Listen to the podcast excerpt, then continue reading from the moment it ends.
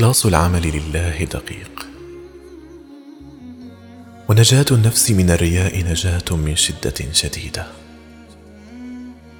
وأشد أنواع الرياء رياء النفس للنفس. وهو العجب إعجاب المرء بعمله. فهو يعمل العمل لكي يرضى عن نفسه ولكي يزكي نفسه لنفسه.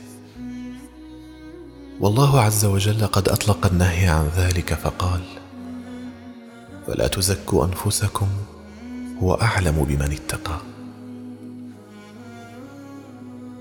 ولم يقل سبحانه فلا تزكوا أنفسكم عند غيركم. فدخلت تزكية النفس للنفس عند النفس. فلا تظن أنك إن عملت العمل في السر فأنت ناج من الرياء. أنسيت نفسك؟ أنسيت سعيك في رضا نفسك عن نفسك وإعجابها بعملك. ما أصعب الإخلاص؟ وما أسهله على من سهله الله عليه. وهل تعرفون متى يكون الإخلاص أصعب؟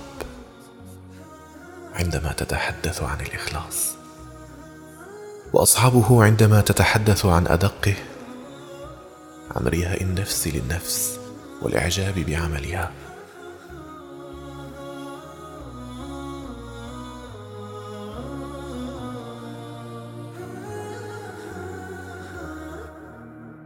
فاللهم امن علينا بأن لا نرى غيرك وأن لا نشاهد في أنفسنا أنفسنا فلا نشاهد فيها سواك. واجعل شوقنا إليك ملهيا لأنفسنا عن رؤية أنفسنا حتى نلقاك. فبغير الانشغال بالشوق إليك لا عاصم لأنفسنا من أنفسنا سواك. سوى الشوق إليك. اللهم الطلب كبير. ولكنك اللهم أكبر. والسؤال جليل. وأنت ربنا الأجل. والعمل كله ذنب وتقصير.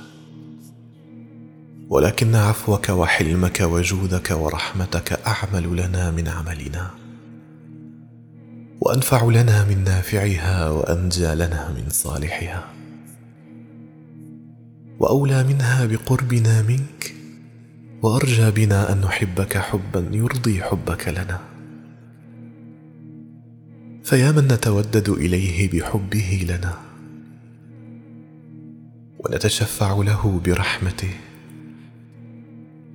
ونتقرب إليه بعطائه. اكتبنا من المشتاقين إليك المشغولين بجمالك المختفية أنفسهم في الوله بك والتعظيم لك. إليك وجهت يا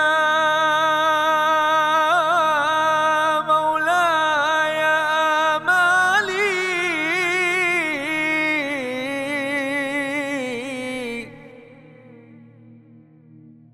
فاسمع دعائي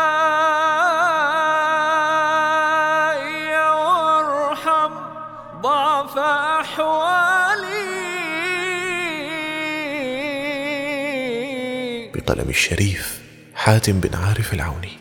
لما عرفتك لم أنظر إلى أحد. فلن رأيت